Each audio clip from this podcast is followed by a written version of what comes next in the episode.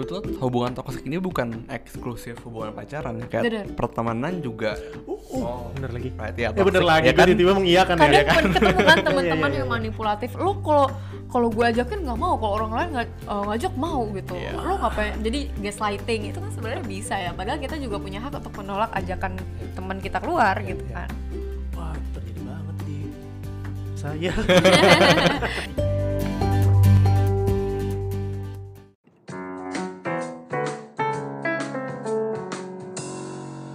Podcast Bicara Tabu bersama Tabu tidak lagi tabu. iya betul yeay. Dibetulin. Kembali lagi atau selamat datang ya, selamat datang buat teman-teman yang baru mendengarkan podcast Bicara Tabu dengan format video. Mungkin kalau yang sobat Tabu yang rajin mendengarkan podcast Bicara Tabu di Spotify biasanya kan modelnya eh, apa namanya? sound doang ya, nggak ada visualnya gitu, nggak kelihatan siapa sih nih yang ngomong, siapa sih nih Ki, founder-foundernya Tabu nih yang rajin nongol di podcast gitu. ini suara siapa sih sebenarnya gitu kan Ini soal siapa sih sebenarnya sih? Kok iya siapa sih? Apa sih? Ngomong apa sih gue? Kembali lagi bersama gue Carlos di episode kali ini kita akan ngobrol-ngobrol mengenai red flag bersama Alvin dan Aceh. hai halo Red flag. Sebenarnya pas dikasih topik ini gue sebenarnya nggak terlalu paham apa sih itu red flag. Ini pertanyaannya jujur dari lubuk hati paling dalam. Lebay banget ya. red flag itu ya bendera bendera, Bendera merah sih. merah. Lagi. Kalau kalau flag yang warna biru kan jadinya susu. iya jadi blue flag kan Oh, Iya blue flag ya, iya bener lagi kan. iya lagi Iya, gue baru nangkep oke Bener oke. Apa sih red flag itu? Karena hubungannya dan hubungannya juga sama sexual education itu sebenarnya apa sih? Hmm, Hmm. Panjang tuh ya kalau hubungan misalnya. Gimana Alvin dulu jadi kali biasanya warna merah itu kan kita asosiasikan dengan apa sih? Dengan apa? Bahaya. gitu ya kan. Kalau ada lagi nyetir terus ada lampu warna merah lu injek tanda-tanda tuh stop rem merah gitu juga kan. tuh Oh bener. ya kan? Terus kalau Iya. misalkan nggak tahu di di pantai kita ada nggak ya? Kalau di pantai-pantai beberapa negara tuh kalau misalkan ada apa nongol tuh apa eh, bendera warna eh, merah, Merah. itu artinya ada yang berbahaya misalkan either itu ubur-ubur Hmm. atau lagi ada hiu atau ada something gitu Oh, Oke. berarti itu kayak semacam sinyal bahwa ada sesuatu yang perlu kita waspadai gitu dari hal tersebut kalau dalam hubungan berarti kan ada tanda-tanda ya. bahaya nih yang bahaya. perlu kita baha- eh, waspadai gitu. Kayak apa tuh bentuk tanda bentuk-bentuk tanda bahayanya tuh kayak apa? Hmm, sebenarnya macam-macam ya bentuk-bentuknya ya. Hmm. Kalau misalkan kita ngomongin red flag itu berarti kita juga ngomongin hubungan gak sehat sebenarnya. Iya. Karena kan berarti ada tanda-tanda dalam hubungan itu yang perlu kita waspadai. Misalnya paling paling kayaknya standar semuanya ketika salah satu dari selingkuh. Ketika salah, Uh. salah satu dari pasangan itu selingkuh, Hmm, itu kayaknya red flag udah tiga. Udah red flagnya ada tiga gitu. Eh, selingkuh suka bohong eh, nebar Ya. janji nggak ditepatin gitu ya. Eh, ada rasa takut. Hmm. takut gitu dalam berhubungan. Misalkan aduh aku takut ditinggal takut diselingkuhin aku takut ngomong sama pacar aku aku atau takut eh, ya ngomong apa yang aku rasain apa yang aku butuhin. Apalagi ya em, emosinya nggak stabil Iya, kalau udah ada yang kontrol mengontrol tuh kontrol mengontrol oh, mulai dari- ap- apa tuh pin ATM iya gitu pin ya. ATM atau misalkan yang banyak tuh misalnya kamu kalau mau pergi-pergi harus izin dulu sama aku kalau Hmm. nggak izin nggak boleh pergi gitu kan Oh. lu kira lu orang tuanya Iya. Foto dong kamu di mana sama Iya, siapa benar. sampai jam berapa agenda kamu semuanya aku perlu tahu. Kayak Maaf, live vlog dong, live vlog gitu ya. anda eh, pacar saya apa manajer saya gitu Ya, harus tahu semua detail kegiatan kita ya. Dan kita harus ngapain sih kalau misalkan kita udah di tahap yang red flag itu tuh sebenarnya? pertama-tama paling yang harus paling penting adalah sadar dulu ya karena betul. banyak banget mungkin karena kita juga nggak terbiasa gitu ya kayak gue juga model relasi yang sehat tuh bukan nggak ada sih cuman kita nggak pernah diajarin bro bahwa ini loh relasi yang satu seperti apa jarang gitu ya Hmm, Jarang bukan banget. jarang diajarin jadi kita nggak tahu ketika hal itu terjadi itu something yang sebetulnya enggak ya yang bahaya gitu jadi menurut gua yang pertama kita harus sadar dulu sih nah kalau udah sadar baru seberapa parah nih saya beda-beda kalau cuman kayak cuman eh, dia baru misalkan kita ketika mau ngomong kita merasa takut mungkin itu masih bisa dikomunikasikan masih kan. bisa latihan karena mungkin Iya. uh, kita dari dasarnya kita uh, bingung ngomongnya gimana dan jadinya ada asumsi yang mungkin kita nggak berani lawan gitu ya. Tapi kalau misalkan udah dibicarakan mungkin jadinya membaur karena mungkin kalau di awal hubungan kan masih ada rasa-rasa takut, benar. masih adjusting, masih ya beradaptasi lah dengan hubungan yang baru, orang yang baru gitu. Jadi um, kalau misalkan tadi Carlos nanya kalau ada red flag tuh kita gimana sih? Pertama ya sadar dulu bener uh, kalau udah sadar baru komunikasi gitu ya. Hmm. kalau misalnya kita udah sadar oh ada tanda bahaya nih kok pacar aku bohong mulu ya? Kok aku selalu cemas ya kalau dia pergi sama mantannya misalkan atau hmm. pergi sama temen-temennya aku ngerasa dia bohong sama aku. Nah, itu sebenarnya udah insting tuh. Udah kayak oh, aku harus ngomong ini bahwa uh, aku ngerasa nggak nyaman kalau kamu pergi sama mantan kamu misalnya hmm. gitu atau hmm. uh, kok aku ngerasa curiga ya boleh nggak kita uh, apa ngobrolin ini gitu hmm. uh, bisa nggak gimana ya solusinya supaya kita bisa saling percaya kayak gitu sih tapi kalau udah yang ekstrim gitu udah mulai Menyakiti. main tangan gitu kan ya udah pokoknya sampai kekerasan seksual kekerasan itu, seksual uh, kekerasan fisik red flag yang udah sangat mm -mm mungkin bukan red flag lagi ada nggak sih warna yang lebih bahaya dari merah? Iya merah kan paling bahaya ya? Hitam. Hitam. Aduh hitam. Jangan sampai deh ya. Iya. Jangan, ya, sampai. jangan sampai. jadi kalau udah sampai yang parah banget uh, kita satu satu hal yang kita bisa lakukan kita cari pertolongan sih. Oke. Okay. gitu. Misalkan either paling simpel adalah misalkan ke teman atau misalkan ke orang tua ke orang mm -hmm. kita bisa percaya kalau misalkan kita merasa butuh banget uh, ke psikolog misalnya konselor ke lembaga hukum kalau misalkan udah kekerasan fisik kekerasan seksual tuh bisa banget merupakan hal yang kita lakukan gitu kalau kita merasa bahwa ada something yang nggak beres dia udah menyakiti aku secara fisik atau mm -hmm. secara seksual gitu. Wah, berarti intinya red flag ini adalah tanda bahaya gitu tanda gitu bahaya. ya. Iya, benar. Kalau ini udah red flag berarti ada sesuatu yang salah. Hmm. Ya. Kalau ada sesuatu yang salah harus minta di, bantuan, minta cari bantuan. Kalau terlalu parah bentuknya bentuknya. Iya, Kalau masih bisa diobrolin, diobrolin dulu hmm. gitu ya. Tapi memang menariknya banyak orang tuh nggak tahu ada red flag dalam hubungannya. Hmm. Oh gitu. bisa. Ha -ha, jadi kalau dalam hubungan gak sehat nih kadang ada ya teman-teman kita atau mungkin kita yang dulu gitu udah diselingkuhin tapi tetap aja mau oh, udah yeah. dipukul tetap aja masih ya dia mungkin hilaf sih mungkin dia emosi makanya dia posesif sama aku udah mungkin tameng ya itu ya jadi yeah. ada di, apa orang-orang yang uh, ada di hubungan yang sehat yang banyak red flag kadang mereka nggak sadar itu kalau hmm. ada red flag di depan mereka gitu ya karena udah kebiasaan mungkin ya mm, udah ada polanya dan karena uh, apa ya udah ada pola yang terbiasa jadi mereka nggak sadar kalau itu red flag selalu ada di bukan denial ya defense defense tertentu yeah. alasan-alasan excuse ya dia uh, perlu apa aku dia perlu aku kabarin supaya dia nggak uh, cemas supaya um, apa sih nggak cemburu dia posesif ya karena pengen ngerasa aman. Itu bukti sayang. Itu sering banget kan. Bukti sayang kalau dia nanyain aku perhatian. Gitu-gitu. Uh, ya gitu sih. Jadi karena kebanyakan orang nggak paham makanya mungkin orang-orang di sekitar mereka kayak temen itu yang notice kok lu ribet banget sih kalau keluar sama gue harus hmm. izin hmm. foto segala macam harus bahkan lu izinnya lebih susah ke pacar lu daripada ke nyokap bokap lu gitu ya. Kan ada beberapa. bahkan gue pernah ngeliat iya pernah lihat sih sebenarnya jatuhnya mm -mm. orang lagi nongkrong ya tiba-tiba dia video call sama pacarnya gitu kayak yeah. gitu. wow lu nongkrongnya sama siapa sih sebenarnya gitu kan lu lagi sama teman-teman tapi lu video call sama pacar lu terus kayak Oh, oke oke mungkin ini sebuah hubungan yang di luar nalar saya mungkin ya. Apalagi kalau video callnya lama banget gitu ya. Kalau gitu. misalnya saling ngabarin, oh iya aku udah di sini ya. gitu.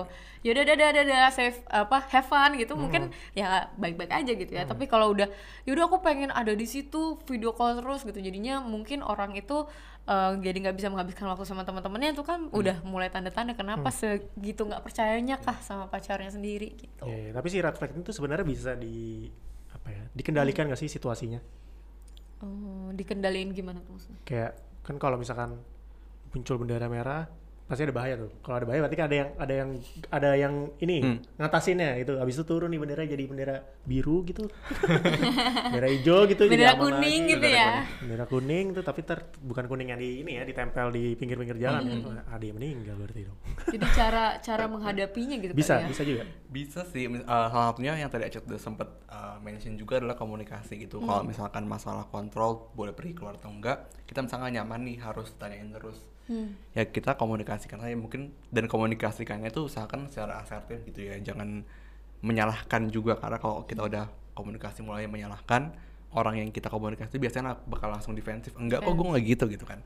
Jadi kita hmm. komunikasikan dulu secara asertif sebisa mungkin gitu ya bahwa ada yang mau kita ubah dalam hubungannya. Hmm. gimana supaya bisa sama-sama nyaman gitu. Lu bisa merasa bisa percaya sama gue gue juga nggak merasa dikekang atau dikontrol hmm, gitu kan bener. gitu itu kalau masih ringan bisa komunikasikan dulu sih tapi kalau yang udah bentuknya ini banget nih hardcore. Oh udah hardcore lagi bahasanya. Udah ini ya udah kekerasan fisik Kekerasan udah ada fisik. kontrol. Ya se- sebenarnya kekerasan kan ada banyak ya dalam hubungan. Ada fisik seksual psikologis sama ekonomi. Pokoknya kalau udah ada lagi kekerasan ekonomi? Ada di mana kayak kartu ATM misalkan itu dikontrol uh, Oh. kalau gaji uh, harus satu yang megang kayak gitu. Oh, oke oke. Mm, jadi pokoknya pengontrolan gitu ya dalam uh, uh, apa bidang ekonomi gitu ya uang segala macam pokoknya kalau udah ada mm, kekerasan itu uh, sebaiknya memang keluar dari hubungan ya gitu Hmm. tapi masalahnya susah sekali keluar dari hubungan toksik gitu. oh, oke sesusah itu Berarti dia perlu garis bawah ya, bawah ya. Gue belum pernah sih ngalamin hubungan toksik gitu, makanya gue nggak nggak tahu rasanya ada di dalam situ.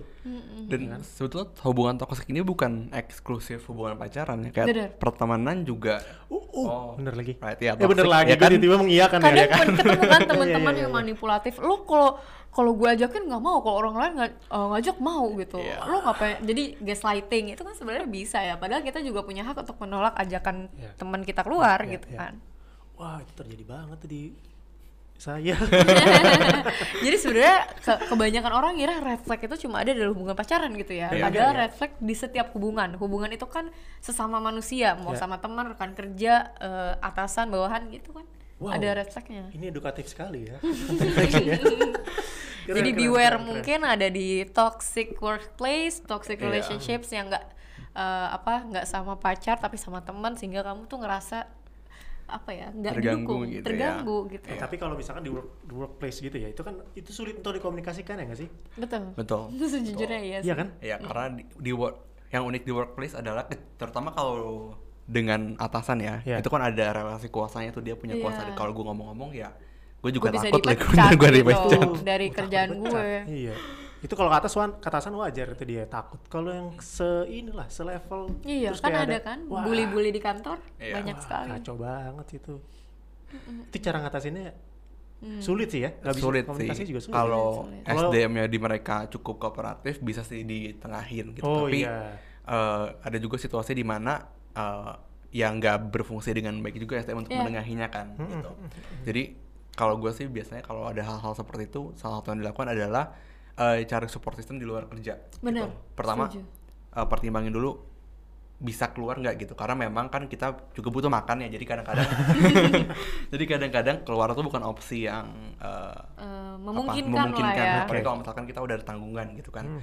kalau misalkan nggak kalau misalnya memungkinkan coba mulai pikirkan arah ke sana gitu kan tapi Iya, kalau enggak planning aja iya sih. kalau enggak coba cari support system di eh, Di apa luar namanya di luar kerja sambil kita coba cari-cari cara gitu seperti apa sehingga kita bisa keluar kita bisa tetap menafkahi diri dan, dan keluarga At least bisa bertahan lah ya Iya, walaupun betul. tertekan di kantor. Wah, itu Maksud- sulit sekali. sulit memang Iya, iya, tapi iya, iya. akan jauh lebih nggak sulit kalau kita punya dukungan di luar bahwa oh ya gue nggak ngejalanin ini sendiri masih ada teman-teman gue yang nge-support gue waktu gue lagi tertekan gitu Hmm. daripada ngerasa sendiri kan Wow, itu orang-orang yang hebat kayaknya bisa gitu ya.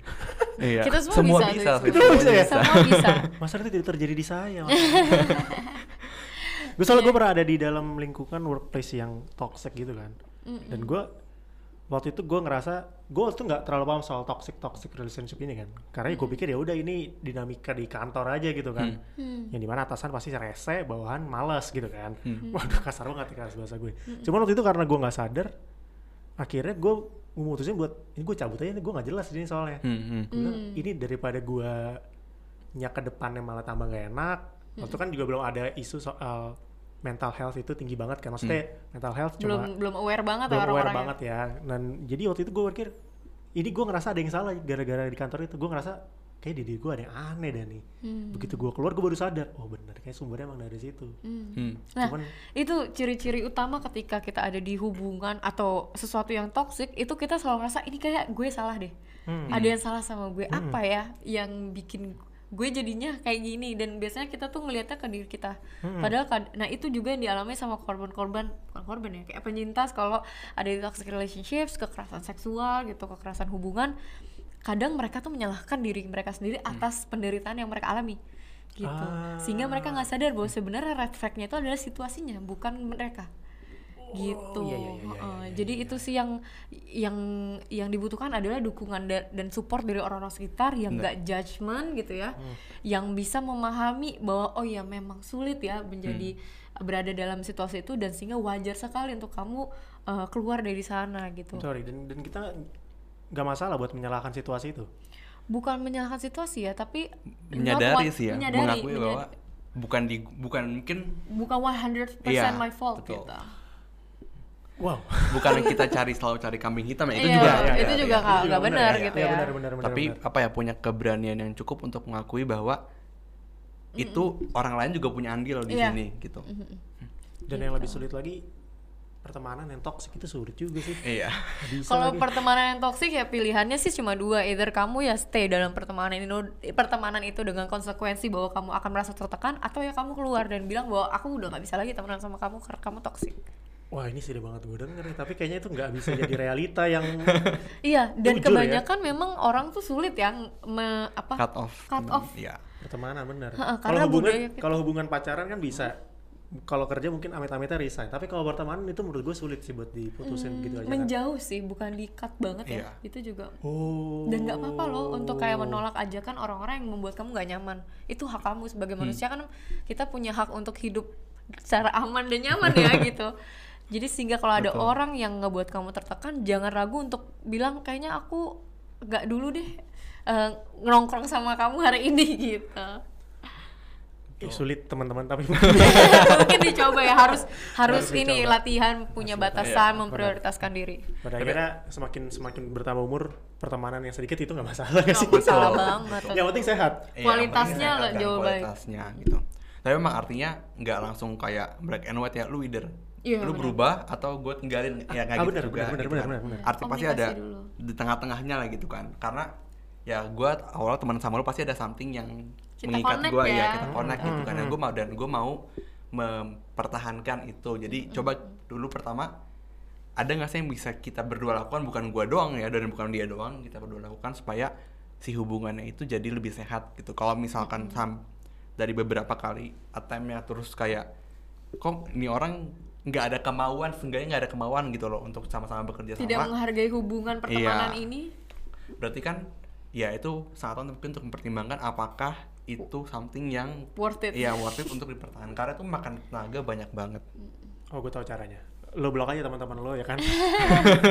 iya itu kok Berlebihan ya. cut off banget tapi nggak apa-apa ya. loh aku Iya, iya, aku kadang beberapa kayak di Instagram aku mute yang bikin aku kepikiran overthinking Hmm. bukan salah mereka tapi untuk kesejahteraan aku dan it's fine gitu kadang tuh kita terlalu lama ya kayak eh, mengedepankan dan sayang sama orang lain tapi lupa bahwa kita tuh sebenarnya butuh sayang sama diri sendiri gitu Oh, keren, keren, keren. iya kan padahal kalau misalkan salah satu apa ya mungkin lu bisa uh, perbaiki kalau gua, gua salah sih tapi Hmm. kalau satu yang penting itu kalau membangun relasi yang sehat ya lu sayang dulu sama diri lu Bener. sendiri gitu. Oh. jangan-jangan lo juga toxic dengan lo membiarkan orang lain mengontrol dan manipulasi lo Eh, maksudnya gimana? Gue yang toxic gitu. Iya maksudnya jangan-jangan kok kan kita uh, ada tendensi apa ya kecenderungan untuk berada dalam pola yang sama kalau kita nggak belajar dari pengalaman berikutnya ya. Oke. Bener nggak? Kalau misalkan ada orang nih sebelumnya toxic relationship terus putus keluar terus dia toxic relationship lagi. Oke dari pengalaman sebelumnya lo pernah belajar nggak? Atau lo membiarkan diri lo untuk nggak belajar insight yang lo dapetin dari hubungan sebelumnya gitu? Karena yang bisa kita kendalikan cuma tiga ya pikiran perilaku sama perasaan kita gitu loh. Menangkap nggak maksud gue? Apakah bingung? Nangkep. Heeh, jadi gini. Gue gue clearin ya. Teman-teman maafkan aku. Jadi kalau keluar dari hubungan yang bikin lo jatuh gitu ya eh, tertekan cemas yang toksik lo tuh perlu butuh waktu untuk refleksi ya. refleksi lagi. Apa ya yang bisa gue perbaiki? Apa ya yang bisa gue pelajari?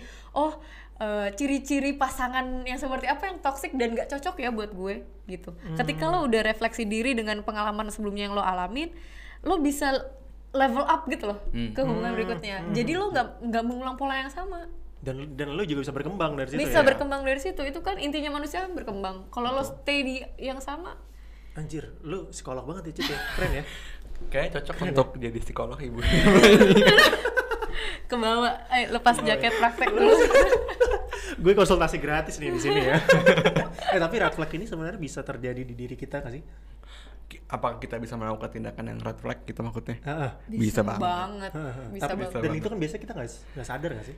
Iya, Iya kan? kebanyakan ke, kebanyakan waktu kita nggak sadar ya Nggak bahwa sadar. sesuatu yang kita lakukan itu adalah red flag. Makanya kita perlu peka sih dari apa ya? Pertama dari tindakan, kita dan kedua dari respon orang-orang gitu. Karena biasanya orang-orang tuh notice gitu. Hmm. Apa yang kita nggak notice, biasa orang-orang di sekitar kita bisa notice gitu dan kita perlu terbuka untuk mendengar masukan. Jadi kalau orang kayak eh, mungkin kita bisa bilang kritik atau kasih masukan gitu ya. feedback gitu ya. Iya, nggak perlu bu, bukannya nggak bukannya harus kayak bener-bener nakowir semua ya, tapi eh, dimasukin ke hati dengan apa? Dengan artian dipertimbangkan bener nggak sih ini kritiknya refleksi lagi bener nggak sih? Hmm.